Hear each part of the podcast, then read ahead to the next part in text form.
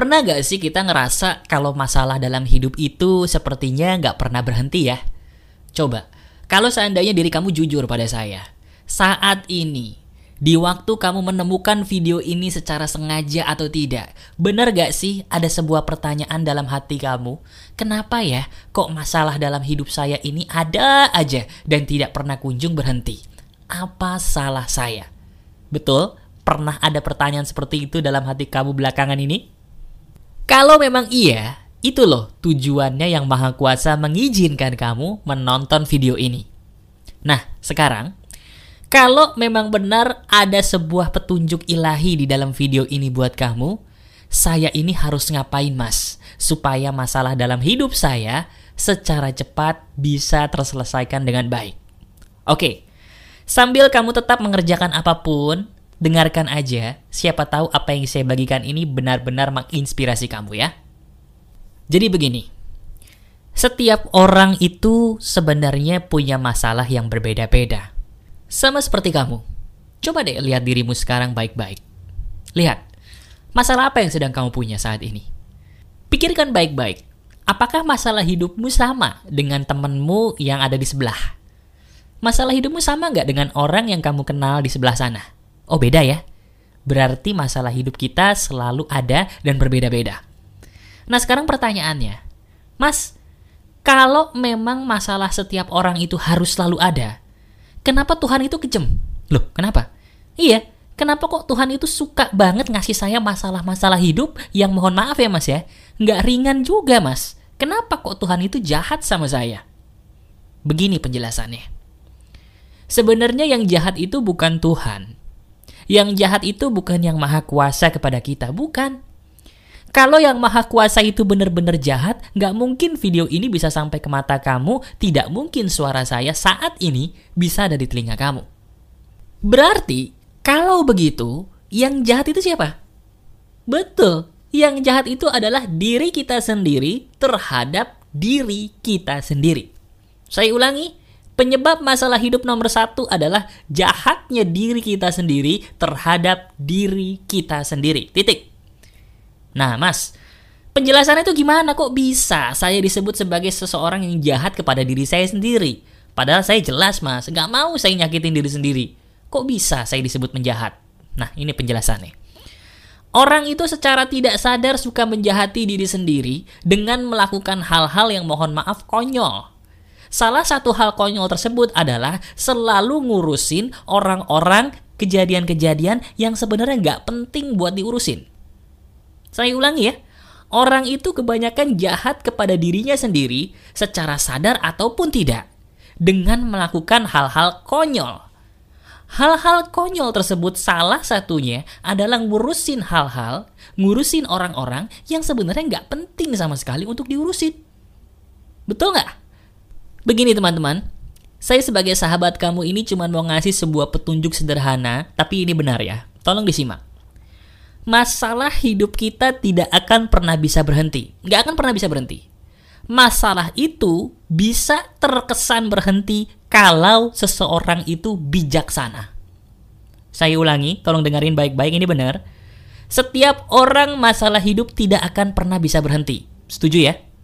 Tapi masalah hidup yang kita miliki ini bisa tidak terasa menyakitkan dan bisa terkesan seolah-olah berhenti kalau orang itu bijaksana. Berarti obat dari setiap masalah itu apa? Apa? Betul sekali, sifat bijaksana. Nah, kalau begitu, pertanyaannya bukan bagaimana cara saya keluar dari masalah A, bukan bagaimana saya bisa lepas dari masalah B, bukan. Tapi pertanyaan besarnya adalah bagaimana cara saya bisa menjadi bijaksana. Titik. Nah, udah mulai jelas ya? Udah mulai paham bahwa masalah itu ada, tapi obatnya cuma satu sifat bijaksana. Sudah mulai paham? Bagus. Kalau begitu sekarang Mas, tolong jelaskan dengan singkat, padat, dan jelas. Bagaimana cara saya bisa menjadi orang bijaksana nih, supaya masalah hidup saya kelar? Oke, begini penjelasan sederhananya. Kamu sadar nggak sih orang-orang bijaksana itu punya satu kesamaan. Setiap orang bijaksana itu punya satu kesamaan yang tidak bisa kita tolak. Mereka adalah orang yang sedikit berbicara dan hanya berbicara di saat dibutuhkan. Benar sekali. Kebijaksanaan itu bisa muncul di saat kita mau diam terlebih dahulu. Semakin kita belajar untuk menjadi pribadi yang diam, semakin kebijaksanaan itu akan berpeluang untuk keluar dalam diri kita. Coba lihat orang-orang bijak. Coba lihat para nabi dan rasul zaman dulu. Mereka itu adalah orang-orang yang sangat bijaksana. Di saat mereka itu dihina, di saat mereka dicaci maki, apakah mereka membalas dengan caci maki? Apakah mereka membalas dengan penghinaan yang sama? Tidak. Mereka selalu membalasnya dengan diam, berdoa kepada Yang Maha Kuasa, menenangkan diri dalam diam, sampai akhirnya mereka benar-benar bisa keluar dari masalah hidup mereka karena kebijaksanaan diri mereka. Coba, coba renungkan perkataan saya atau kamu pikirkan orang-orang zaman dulu yang bijaksana baik itu Siddhartha Gautama, Nabi Muhammad Shallallahu Alaihi Wasallam, Isa Al-Masih Alaihi Salam, para wali songo, semua punya kesamaan yang sama. Mereka adalah orang yang sedikit berbicara dan tenang dalam diam. Kenapa mereka begitu? Karena itulah titik berawalnya kebijaksanaan muncul dalam diri kita. Ketika kita mau belajar untuk diam. Jelas banget ya? Oke, Alhamdulillah. Nah sekarang pertanyaannya gini, Mas, Mas Aryan ini kan bijaksana nih. Tapi Mas Aryan ini ngomong. Bagaimana mungkin Mas Aryan yang bijaksana ini juga pintar ngomong? Nah ini loh. Kebanyakan orang itu mengira orang yang suka ngomong di saat ceramah, memberikan motivasi, ataupun berpidato itu adalah orang yang cerewet. Bukan. Saya ini di luar pagar kehidupan lebih banyak diam. Lebih banyak diam. Bukan karena saya antisosial, tapi karena saya tahu kebijaksanaan itu akan muncul di saat saya diam. Dan orang yang bijaksana adalah orang yang paham kapan saya harus berbicara dan kapan saya harus diam. Mereka tidak akan berbicara di saat mereka tidak sepatutnya berbicara. Itu ciri khas dari orang bijaksana. Nah, sekarang pertanyaannya, Mas, apakah saya kalau mau menjadi bijaksana untuk menyelesaikan perkara hidup saya, saya harus diam dulu? Betul sekali. Sekarang coba ambil nafas dalam-dalam yuk. Ayo ambil nafas dalam-dalam. Kemudian kamu hembuskan pelan-pelan melalui mulut. Tenangkan diri kamu. Coba diam sejenak. Diam sejenak dulu. Saya tahu masalah hidup kamu berat. Saya paham masalah hidup kamu ruwet dan banyak. Saya paham.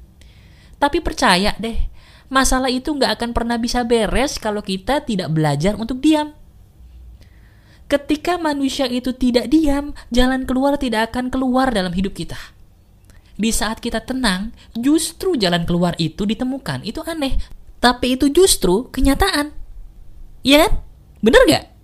Coba ingat-ingat deh, sesuatu hal yang kita cari nggak ketemu, tapi begitu kita tenang, ketemu tuh, baik itu barang ataupun jalan keluar. Nah itu maksud saya itu bukti bahwa perkataan saya benar. Nah, sekarang saya akan menjelaskan bagaimana sih prakteknya untuk bisa mempraktekkan apa yang Mas Aryan katakan nih dalam video ini untuk hidup saya sehari-hari. Saya setuju banget dengan semua perkataan Mas Aryan Surya hari ini. Tapi saya bingung Mas, cara prakteknya dalam hidup saya itu bagaimana? Gini cara prakteknya. Kalau diri kamu sedang ada masalah apa pun, ya, apa pun masalahnya tidak perlu berkata-kata apa pun, tidak perlu mikirin apa pun, diam. Kalau perlu cari tempat yang tenang, yang gelap dan kamu merenung di situ. Tenangkan dirimu, bisa dalam meditasi, bisa dalam sholat kusyuk, bisa dalam ibadah apa pun sesuai keyakinanmu. Yang penting diam dan tenang. Saya ulangi, diam dan tenang. Ketika kita tenang, larut dalam situasi yang damai, damai bukan karena suara, damai bukan karena pikiran, tapi damai dalam diam, di situ petunjuk ilahi bisa akan keluar dan kita tangkap di dalam batin kita. Ini loh, ini rahasia para orang-orang suci zaman dulu mereka berkontak batin dengan penciptanya.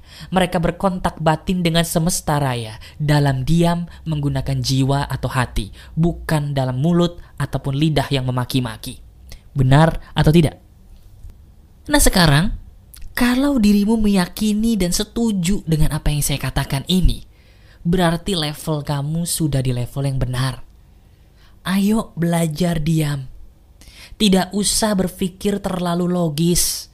Tidak usah berpikir terlalu jauh bagaimana cara menyelesaikan perkara saya. Saya punya tanggal jatuh tempo, saya punya tanggal segini buat nikah, tapi saya takut. Saya punya begini, saya punya begitu. Nggak logis mas kalau saya diem aja. Cukup, cukup. Diam dulu, tenangin diri kamu dulu dalam diam. Kalau yang muslim iringi dengan zikir. Karena zikir itu menenangkan jiwa dan menenangkan hati apa pun dalam keyakinanmu sebuah cara yang bisa membuat kamu tenang dalam diam, lakukan. Lakukan itu apa pun bentuknya. Lihat deh, ketika dirimu diam sejenak, akan ada petunjuk-petunjuk ilahi dalam hati kamu yang sebelumnya tidak pernah ada. Ingat ya, ciri khas video pagar kehidupan. Sebelum dipraktekkan, mungkin kamu agak setengah setuju, setengah bingung. Tapi begitu dipraktekkan, kamu akan paham apa yang saya maksud. Kalau diri kamu dari tadi sampai detik ini sudah banyak menganggukkan kepala dan setuju dengan perkataan saya, selamat. Berarti level kita hampir sama. Sekarang, praktekkan apa yang saya katakan ini. Tidak usah terlalu logis dalam menyelesaikan perkara. Cukup belajar diam. Tenangkan batin kamu dan biarkan Sang Pencipta berbicara ke dalam jiwa kamu, di dalam tenangmu, di dalam diammu, di dalam sebuah hal yang bernama kebijaksanaan. Ini loh cara yang saya pakai untuk menemukan banyak petunjuk bagi kamu di pagar kehidupan. Saya bisa, kamu pun pasti bisa. Hanya dirimu harus mau melatih dan mau praktek. Ini petunjuk Tuhan